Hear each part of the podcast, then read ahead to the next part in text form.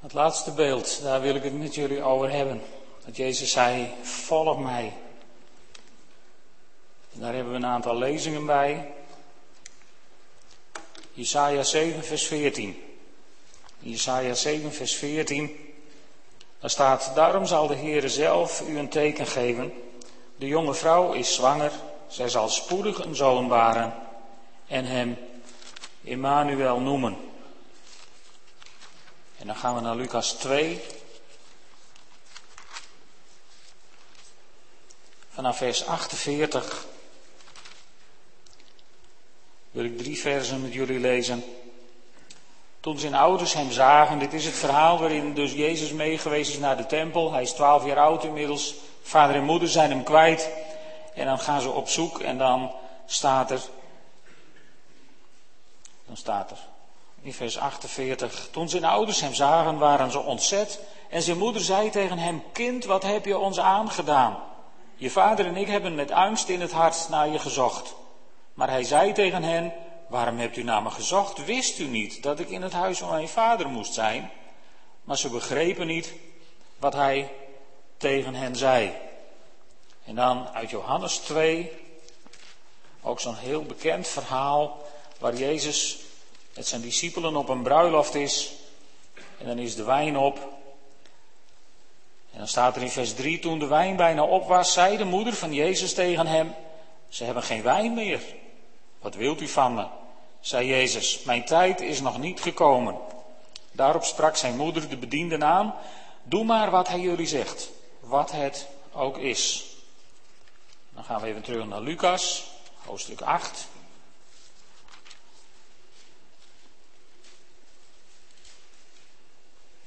Vanaf vers 19. Zijn moeder en zijn broers kwamen naar hem toe, maar ze konden niet bij hem komen vanwege de menigte. Zijn toehoorders zeiden tegen hem: Uw moeder en uw broer staan buiten, ze willen u spreken. Maar hij antwoordde: Mijn moeder en mijn broers zijn degenen die naar het woord van God luisteren en er naar handelen. En dan nog één klein stukje voordat u het heen en weer er helemaal van krijgt. Uit Johannes 21, vanaf vers 17. Dat is het verhaal waar Petrus in ere wordt hersteld. En dan pikken we dat even op bij vers 17. En voor de derde maal vroeg hij hem, Simon, zoon van Johannes, houd je van me? Petrus werd verdrietig omdat hij voor de derde keer vroeg of hij van hem hield. Hij zei, Heer, u weet alles, u weet toch dat ik van u houd. Jezus zei, wijd mijn schapen. Waarachtig, ik verzeker je, toen je jong was, deed je jezelf je gordel om en ging je daarheen waar je wilde. Maar wanneer je oud wordt, zal een ander je handen grijpen, je gordel omdoen en je brengen waar je niet naartoe wilt. Met deze woorden duidde hij aan hoe Peter zou sterven tot eer van God. Daarna zei hij, volg mij. Toen Peter zich omdraaide, zag hij dat de leerling van wie Jezus hield hen volgde. De leerling die zich tijdens de maaltijd naar Jezus toegebogen had om te vragen wie het was die hem zou verraden. Toen Petrus hem zag, vroeg hij Jezus en wat gebeurt er met hem, heer? Maar Jezus antwoordde, het is niet jouw zaak of hij in leven blijft totdat ik kom, maar jij moet mij volgen. Tot zover. Volg mij. We hebben het geboortefeest van Jezus gevierd en ik vond in dit filmpje de titel alleen al, Mary, did you know that your baby boy? Nou, Mary die knowde helemaal niks toen Jezus werd geboren. Ze had weliswaar het woord van de engel gehad en ze wist dat ze een bijzonder kind hadden gekregen, maar echt snappen deden ze het niet. Lijkt wel een beetje op ons, wij snappen vaak ook, ook wel eens dingen niet. Menen het precies te weten, maar God is altijd weer net anders dan, dan wij dachten te weten. God is niet grijpbaar. God is namelijk niet in te metselen in ons voorstellingsvermogen. God is altijd anders. Hij gaat altijd wegen waar je je toch weer over verbaast. En zo zien we in dit verhaal dat Maria het eigenlijk helemaal nog niet begrijpt. Ze hebben overal gezocht, behalve in de tempel. En, en dan vinden ze hem en dan zeggen ze, kind, wat heb je ons aangedaan? En, en het antwoord van Jezus vind ik zo mooi. Rondom wat hij allemaal zegt, die paar woorden daartussenin, wist je niet? Nee, Maria wist het niet. Want in het volgende vers wordt het duidelijk, ze begrepen niet wat hij tegen hen zei. Dus in het begin wisten ze het niet. Maar volgens mij moeten Jozef en Maria toch dingen gezien hebben met dit bijzondere kind. Terwijl het opgroeide en groter werd. En als hij dan aan zijn bediening begint, Jezus is dan inmiddels 30 jaar geworden. Dus dan, dan hebben ze toch al een hele hoop met hem meegemaakt. Zou je bijna zeggen. Ontdekt dat het een wonderlijk kind was. En, en je krijgt de indruk dat Maria dan denkt van nou, nou wordt het ook wel eens tijd. En dan zijn ze op een bruiloft en er is een probleem. En, en, en waarschijnlijk heeft Maria toch iets begrepen van, van die wonderlijke kracht die er in Jezus was. En, en ze komt naar hem toe. Kun je, je, je ziet dat in, in de mensenwereld, zie je dat ook wel eens. Hè? Dat je soms denkt van iemand die zou wel eens wat kunnen doen. En dan kun je soms iemand wat achter de broek zetten. Doe nou jongen. Of hebben jullie dat? Mijn moeder had dat wel eens. Doe nou jongen. Die heeft dat nog wel eens als ze dan in het verpleeghuis wat wil. Dan zegt ze tegen ons, als je nou eens even naar de zuster gaat en dan moet je dat en dat en dat even zeggen. Dan wordt het je precies uitgelegd, weet je wel. Misschien hebben jullie dat nooit. Maar misschien doe je het zelf wel eens. Maar het is heel, heel vervelend. En, en zo komt ook de moeder van Jezus, komt bij Jezus af van, doe nou jongen. Je ziet toch dat er een probleem is en, en doe er wat aan. Zo, zo, zo moet je voorstellen. En dan kijkt Jezus haar aan en hij zegt, en wat wilt u van me? Mijn tijd is nog niet gekomen. Met andere woorden, voor alle duidelijkheid, er is één die de regie hier heeft. En dat ben ik. Hij was God. En hij had de regie over de dingen. En ondanks dat antwoord zien we bij Maria iets heel wonderlijks. Ze mag het dan niet helemaal begrepen hebben. Maar ze geloofde wel dat er bijzondere tijden aanstonden te breken. Ze geloofde wel dat haar zoon, die, die een paar leerlingen had gezocht en ineens als reizend prediker door de wereld was gaan trekken, dat daar wat heel speciaals mee was. En dan gaat ze naar de bedienden toe en dan zegt ze tegen die bedienden, doe maar wat hij jullie zegt, wat het ook is. Dat, dat is een advies, denk ik, voor ons ook, een hartekreet uit het woord van God. Nu we, nu we zo op de laatste zondag van het jaar bij elkaar zijn. Misschien een hele goede om, om, om mee te nemen, zometeen in de jaarwisseling, als we aan een nieuw jaar beginnen. Lieve vrienden, wat hij je ook zegt, doe het. Gehoorzaam aan de stem van God, want God is nog steeds degene die leiding geeft in je leven. Wat het ook is, doe het. En dan doet Jezus het. Water wordt in wijn veranderd. En, en het wordt allemaal nog veel erger. Water wordt niet alleen in wijn veranderd, maar wat Maria niet wist, wat je in het filmpje, voor zover jullie het hebben kunnen zien, wat je in dat filmpje ook ziet, Maria wist niet dat haar zoon blinde ogen zou openen. Maria wist niet dat haar zoon stormen het zwijgen zou opleggen, verschrompelde handen recht zou laten worden, doden zou opwekken, kromme ruggen zou oprichten en melaatsen zou reinigen. Dat wist Maria allemaal niet. Ze wist ook niet dat de boodschap van Jezus zo controversieel zou zijn in die tijd dat hij zich de haat van de theologen op zijn hals haalde en dat de leiders hem naar het leven gingen staan. En, en wat ze wel merkten, dat was dat, dat, dat Jezus rammelde aan hun vertrouwde religieuze omgeving. Ik weet nog in de tijd dat, dat wij nog uh, rustig gereformeerd waren. En, en de Heilige Geest in ons leven begon te werken. En, en een keertje eerst met, met allemaal vragen terugkwam waar ik veiligheidshalve nooit mee bezig was. Want dat verstoorde je rust. En, en ik denk dat Maria ook zo'n soort gevoelens heeft gehad. Ik bedoel, ze gingen braaf naar de synagoge elke week. En het waren, ze waren netjes joods, religieus, daar markeerde niks aan. En Jezus riep van die, van die verontrustende dingen. Die riep van die dingen die hun, hun, hun, hun traditie aan alle kanten deed schudden. En op een gegeven moment vonden ze het wel genoeg als familie. En dan lezen we in Lucas 8, hebben we gelezen dat zijn moeder en zijn broers naar hem toe kwamen.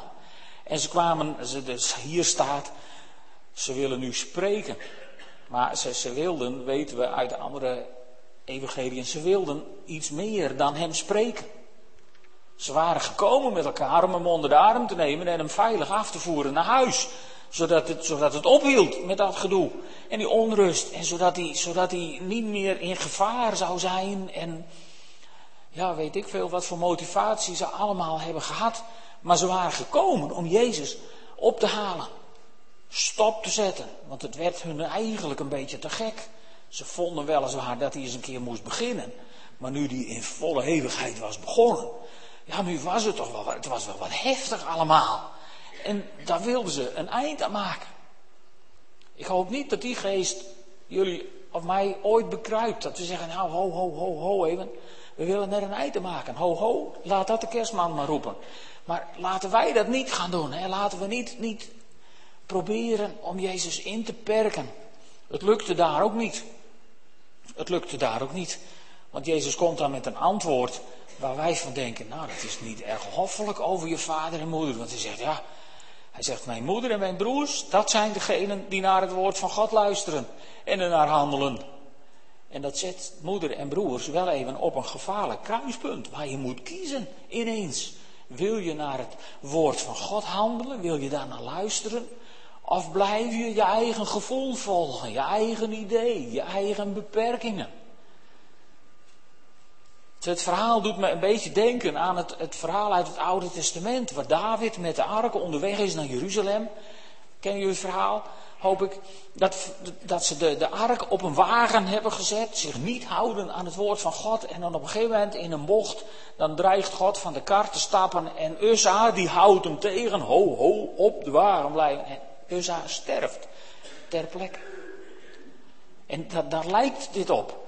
Want eigenlijk zegt Jezus dat hier ook. Luister eens, als je je niet aan het woord van God houdt, als je niet luistert naar het woord van God en daarnaar handelt, ben je niet meer mijn moeder en mijn broers.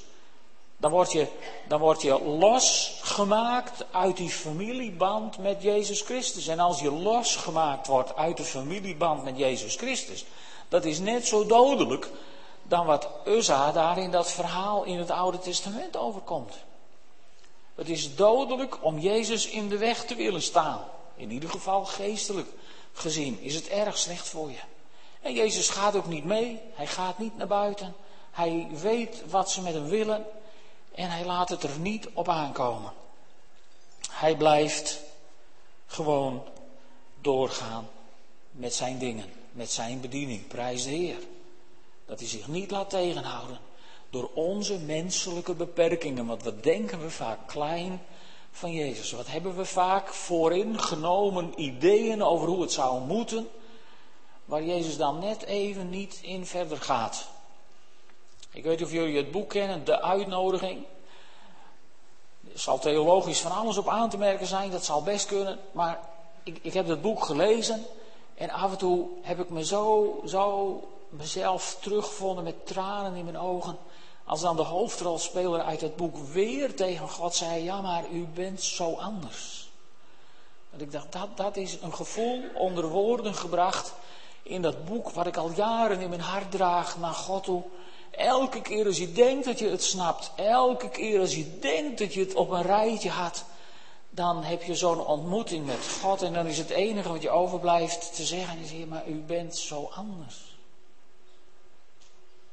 We hadden het er voor de dienst even over hoe de Heilige Geest in dat boek ook wordt omschreven. Het is weliswaar een van die personen in dat verhaal, maar die persoon die wordt omschreven alsof hij nou bijna vloeibaar is. Dan weer voor je, dan weer achter je, dan weer links, dan weer rechts, dan weer even niet in beeld en dan ineens weer wel. En, en weet je, zo is de Heilige Geest. Wij kunnen de Heilige Geest helemaal niet vatten in woorden. Maar, maar als dan zo iemand dat zo mooi neerzet, dan denk je, ja, zo, zo, zo voelt het een beetje, zo lijkt het een beetje. De Heilige Geest is altijd op plekken waar je hem niet verwacht. Het mooie is, hij is altijd op plekken waar je hem nodig hebt. Zo bijna vloeibaar. God is zo anders. En weet je, de zoon van God was ook zo anders. In die tijd dat hij op deze wereld was. Want hij was naar deze wereld gekomen en hij heette Emmanuel. En Emmanuel betekent inderdaad letterlijk God met ons. God is met ons. Alleen, velen maakten en maken de vergissing dat dit betekent dat wij de regie hebben en dat God wel met ons meegaat. Maar dat betekent het niet. God met ons betekent niet dat God als een hondje achter ons aankomt om alles wel te zegenen wat wij bij, bij, bij de hand hebben, wat wij denken te moeten doen. God met ons, als je dat goed begrijpt, als je, als je, ja, en hoe kun je God ooit goed begrijpen? Maar ik denk als je God een beetje snapt, laat ik het zo zeggen, dan, dan is God met ons is iets heel wonderlijks. Dat betekent niet dat God met ons meegaat om alles maar te zegenen. Wat wij doen, eigenlijk zou het andersom moeten. Hè? Ik weet niet of jullie die kreet wel eens hebben gezien van Wilkin van der Kamp. Die heeft dan een boekje geschreven en heeft daar ook prachtige plakkaatjes van, zag ik laatst op de conferentie. En daar staat met hele grote letters op: God speelt geen enkele rol in mijn leven. En dan staat er met hele kleine lettertjes wat onder. Dus nadat je je geërgerd hebt, uit je vel bent gesprongen en even goed kijkt wat er eigenlijk staat, dan zie je dat dat niet had gehoeven. Dus ik heb de lettertjes omgedraaid en ik heb de verhoudingen wat veranderd. God speelt geen rol in mijn leven. God is de regisseur van mijn leven. Als er één een rol speelt in mijn leven met God, ben ik het. En Hij geeft aan welke rol ik heb te spelen. Hij bepaalt wat ik heb te doen.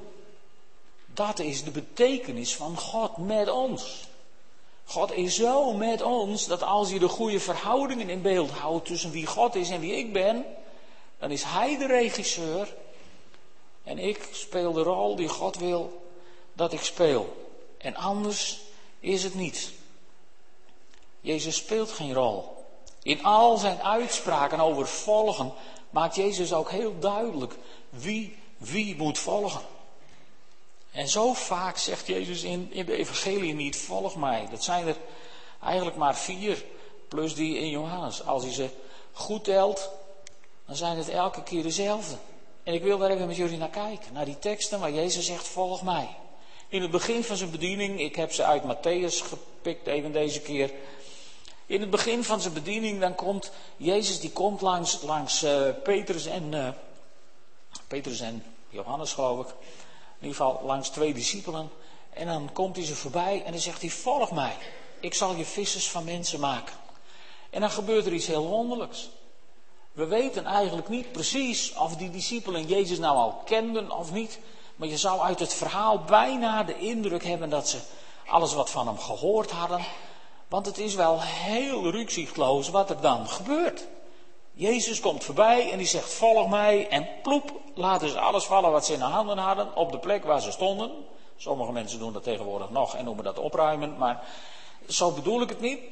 Ze lieten alles uit hun handen vallen en ze volgden Jezus. Zomaar in één keer. Zomaar. Niet eerst even kijken van nou hoe lang zouden we dat vol kunnen houden met onze financiële rijkwijde of zo. Niks van dat alles. Jezus zegt volg mij en ze volgen hem. Huppakee. Daar gaan ze, achter hem aan. En jij zegt, ik zal je vissers van mensen maken. Dat waren ze niet. Dus eigenlijk zegt Jezus hier, als, als je het algemeen wilt zien, want Jezus kan, is, is, is ongetwijfeld de meesten van jullie ook een keer voorbij gekomen en heeft in je hart gezegd, hé, hey, volg mij. Ik heb een plan voor je leven. Volg mij, kom maar met je mee. Anders hadden jullie hier hoogstwaarschijnlijk niet gezeten. Dus ik ga ervan uit dat ieder van jullie Jezus een keer heeft ontmoet. Die zei, kom maar, volg mij. En als dat niet zo is, dan is vandaag misschien de dag om daar straks samen voor te bidden. En dan zegt hij, ik verander je. Ik verander je. Vroeger had je zo'n televisieprogramma, God verandert mensen. En weet je, de titel alleen al is waard om onthouden te worden. Die is zo mooi. God verandert mensen. Dat deed hij vroeger, dat doet hij vandaag en dat zal hij blijven doen tot hij terugkomt. God verandert mensen. En als Jezus tegen je zegt, volg mij, want ik zal je dat en dat maken. Jezus zegt, als jij mij volgt, zal ik je veranderen. Ten goede, hè? ten goede. God is er nooit op uit om je te slopen, hij is er altijd op uit om je beter te maken. En dan een tijdje later, Jezus heeft dan al twaalf discipelen, dan zijn er mensen die willen hem volgen. En dan is er een en die zegt, Heer, ik wil u volgen, maar sta mij toe. Eerst mijn vader te begraven. was wat prematuur. Het vader leefde nog in dat verhaal, maar die was kennelijk redelijk aan het eind van zijn leven gekomen. En dan zegt Jezus iets heel merkwaardigs. Hij zegt: Volg mij en laat de doden hun doden begraven. Bijna denk je van nou, ik mag dus niet meer naar de begrafenis van mijn familie, maar dat, daar gaat het helemaal niet over. Dan heb je de clue van het verhaal even niet gesnapt. Deze man die wil Jezus volgen, maar zegt ja, ik heb nog een aantal wereldse problemen eerst te regelen. En eigenlijk zegt Jezus hier, joh, volg mij nou en laat de problemen van de wereld even over aan de wereld.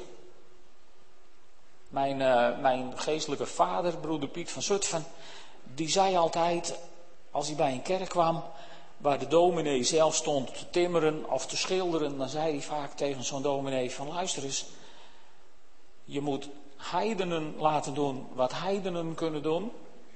En als dienaar van Jezus Christus moet je doen wat de heidenen niet kunnen doen. En dat is het woord van God verkondigen. Laat de wereld nou de wereldse dingen doen. En laten wij Jezus volgen.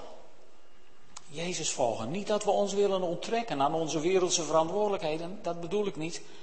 Maar laten wij ons nu eens focussen op dat waar het eigenlijk om gaat in de wereld. Ondertussen kun je daar best een hele hoop van die dingen doen, maar waar gaat het voor ons om in de wereld? Om Jezus te volgen. Volgelingen van Hem te zijn, discipelen van Jezus Christus te zijn. En zo straks over de drempel het nieuwe jaar in te gaan. En de problemen van de wereld even over te laten aan de wereld. En dan moet je eens kijken, dan gebeuren daar twee hele mooie volg mij, of nee, een hele mooie volg mij en een hele verdrietige volg mij krijgen we nog. Eerst de hele mooie, laten we daarmee beginnen. Jezus komt langs een, een, een belastingkantoor, een tolhuis, een douanepost zou je kunnen zeggen, waar mensen, als ze er langs wilden, moesten ze betalen. En dat waren nou niet de meest populaire mensen. Over het algemeen waren het Joden die voor de Romeinen waren gaan werken. En in, in, in de Tweede Wereldoorlog had je ook zulke Nederlanders en die waren ook niet populair in Nederland. Ook na de oorlog hebben ze daar heel lang de last van moeten dragen. Zelfs hun kinderen. En staat er in Matthäus 9, vers 9, toen Jezus verder ging, zag hij bij het talhuis een man zitten die Matthäus heette. En hij zei tegen hem, volg mij. En hij stond op en volgde hem. Matthäus, het lijkt een beetje op het verhaal van Zacchaeus. Hè? Misschien worden ze wat door elkaar gehaald, maar er staan in elke evangelie staat een verhaal over zo'n tollenaar die wordt geroepen. En, en bij Zacchaeus lees je dat dan zo mooi. Hij viert eerst het afscheid van zijn oude leven als het ware. Want hij is van plan om Jezus te volgen. En dan zegt hij, oh, ik ga alles, uh, ik, ik, ik, ga uh, alles teruggeven viervoudig wat ik heb gestolen. Nou, dat betekende dat hij failliet was, want dat alles wat hij had, had hij gestolen. Dus, en, en, en hij zou de armen ook nog van alles geven. Dus hij liet alles achter hij hechtte niet meer aan de dingen van de wereld, maar hij volgde Jezus. In één keer. En dan komt die andere bij Jezus. En die heeft ook wat een andere insteek. Die heeft de insteek van wat moet ik eigenlijk doen om behouden te worden. Deze arme stakker die, die dacht dat hij het moest doen. Waar Matthäus wist dat hij er niks aan kon doen, dat hij gewoon Jezus moest volgen omdat Jezus het voor hem ging doen hadden we hier deze man die we kennen als de rijke jongeling. die dacht dat hij het kon doen. Wat moet ik doen om behouden te worden? En, uh, en, en, en dan zien we dat, dat, uh, dat Jezus zegt: ga naar huis, verkoop alles wat je bezit en geef de opbrengst aan de armen. Dan zul je een schat in de hemel bezitten. Kom daarna terug en volg mij. Wij denken dan, sommige mensen denken dan dat je dus helemaal geen bezit mag hebben. Dat Jezus tegen bezit is, anti-bezit. Maar daar gaat het helemaal niet over. Hier gaat het om een jonge man die zegt: Wat moet ik doen om behouden te worden? Nou, en dan geeft Jezus hem een kleine hint. En die laat hem zien dat de lat om zelf behouden te worden, die ligt zo hoog. Dat je er diep verdrietig van wordt en weet dat je er niet aan hoeft te beginnen, want het is onhaalbaar. Het kan niet. En deze jongen die kon het ook niet.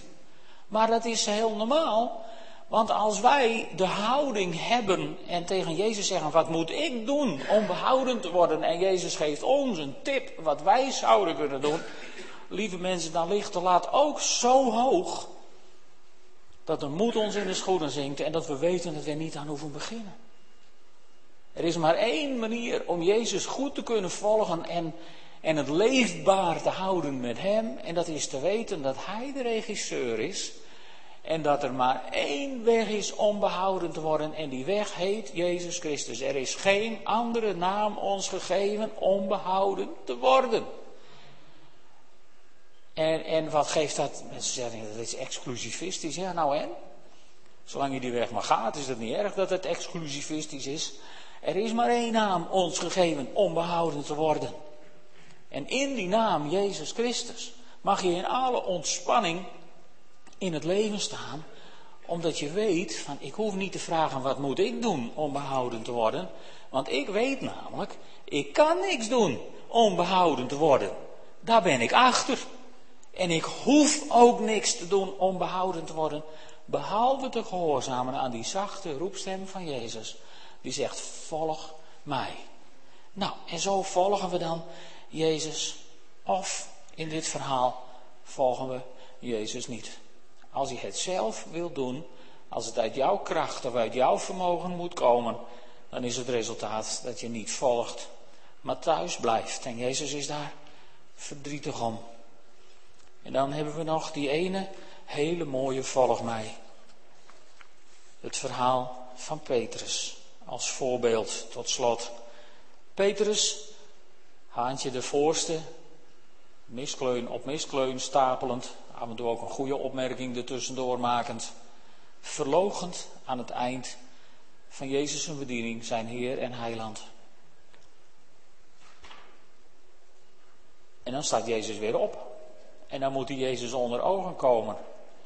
De Bijbel zegt er niet zoveel over, over hoe Petrus zich gevoeld heeft. Maar Petrus moet zich volgens mij ongelooflijk waardeloos, hopeloos hebben gevoeld.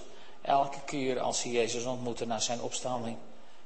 Ik vraag me wel eens af, hoe lang zou het geduurd hebben voordat Petrus het lef had om Jezus weer recht in de ogen te zien? Misschien wel tot hier, in dit verhaal, waarin Jezus hem drie keer vraagt, Petrus, hou je eigenlijk van me? En Petrus wordt er heel verdrietig van, want hij voelt het wel. Hij voelt wel waar het om gaat. En uiteindelijk zegt hij ook huilend, Heer, u weet toch dat ik u lief heb. En dan zegt Jezus tegen hem, volg mij. In vers 19. En dan komt even die oude Petrus weer boven water. En die ziet Johannes. En die bemoeit zich meteen weer met de dingen van Jezus. En, en hij dan? En dan geeft Jezus dat prachtige antwoord. Petrus, het is niet jouw zaak. Het gaat jou niet aan, jij moet mij volgen. En het mooie daarvan vind ik dat Jezus de dingen even helder neerzet. Weet je wat, wat je in dit verhaal ziet is ten eerste, Jezus wil zeker zijn van je toewijding. Daarom vraagt hij Petrus ook drie keer. Zo van, keer is het mislukt en dat is niet erg, maar ik wil zeker zijn van je toewijding. Waar sta je? Het tweede is, Jezus zegt niet dat het een peulenschil is om hem te volgen. Want hij maakt Petrus goed duidelijk dat het een drama wordt wat hem uiteindelijk het leven zal kosten. Dus Jezus zegt niet dat het makkelijk is om hem te volgen. Jezus nodigt je gewoon uit tot navolging. En hij maakt daarbij onmiskenbaar duidelijk dat hij en ik gescheiden verantwoordelijkheden hebben. Petrus wil zich bemoeien met de zaken van Jezus. En hoe vaak wil ik me niet bemoeien met de zaken van Jezus? Jullie hebben dat vast niet, maar ik wel. En, en weet je, dan loop je ook daar tegenaan. Dat Jezus je duidelijk maakt. Joh, dat gaat je niet aan. Volg jij nou mij maar. Jij moet mij volgen. Dat is de volgorde der dingen. Maria wist niet wat er allemaal zou komen. En ik zal jullie vertellen, ik wist 25 jaar geleden ook niet wat er allemaal zou gaan gebeuren. En dat is ook maar gelukkig. Want als ik alles had geweten wat er voor me zou liggen, dan was ik nagenoeg zeker die weg van die rijke jongeling gegaan. En had ik gezegd, heer, nou dit is, dit is me te duur. Hier begin ik niet aan. Gelukkig heb ik dat niet allemaal geweten. En ik heb in de afgelopen jaren, 25 jaar lang, ook heel vaak op Petrus geleken. En we hebben willen bemoeien met andere mensen en hun verhouding met Jezus. En ik ben net zoals Petrus vaak op de vingers getikt door God. Niet mee bemoeien, mij volgen. Dat is je opdracht. Maar in al die jaren was daar altijd Immanuel, God met ons. God met ons. En lieve mensen, ik kan je uit mijn eigen ervaring vertellen. God met ons, als dat realiteit is in je leven, dan is dat zo ongelooflijk, onbeschrijfelijk bijzonder. God met ons, Immanuel. En Immanuel is daar altijd met die zachte stem in je hart. Volg mij maar. Volg mij maar. Kom maar mee. Kom maar mee. En zo, zo heeft Jezus mij telkens verder gelokt. Op mijn weg met hem gelokt. Niet gejaagd. Nooit met de zweep. Maar altijd gelokt. Volg mij nou maar. Volg mij nou maar. Kom nou maar. Ik denk dat hier genoeg mensen zitten die, die datzelfde verhaal zouden kunnen vertellen over hun leven. Jezus heeft je meegenomen, telkens een stapje verder en weer een stapje verder. En zo wil hij ons ook meenemen, nu straks over de drempel naar een nieuw jaar. Volg mij nou maar. Kom maar. Volg mij maar. Kom maar met me mee. En weet je, het enige wat ik nu af en toe nog denk is, als ik zo met God terugkijk op de tijd die achter me ligt, dan is er eigenlijk maar één gedachte waar ik de laatste tijd heel vaak tegen God uitspreek. Heer, had u niet 25 jaar eerder kunnen komen? Wat kan ik jaloers zijn op de jongeren die ik hier zie zitten? Wat kan ik soms denken, hier had ik dit 25 jaar eerder geweten. Maar dat heb ik niet. En dan probeer ik me weer met de dingen van God te bemoeien, weet je. Zo zijn we soms.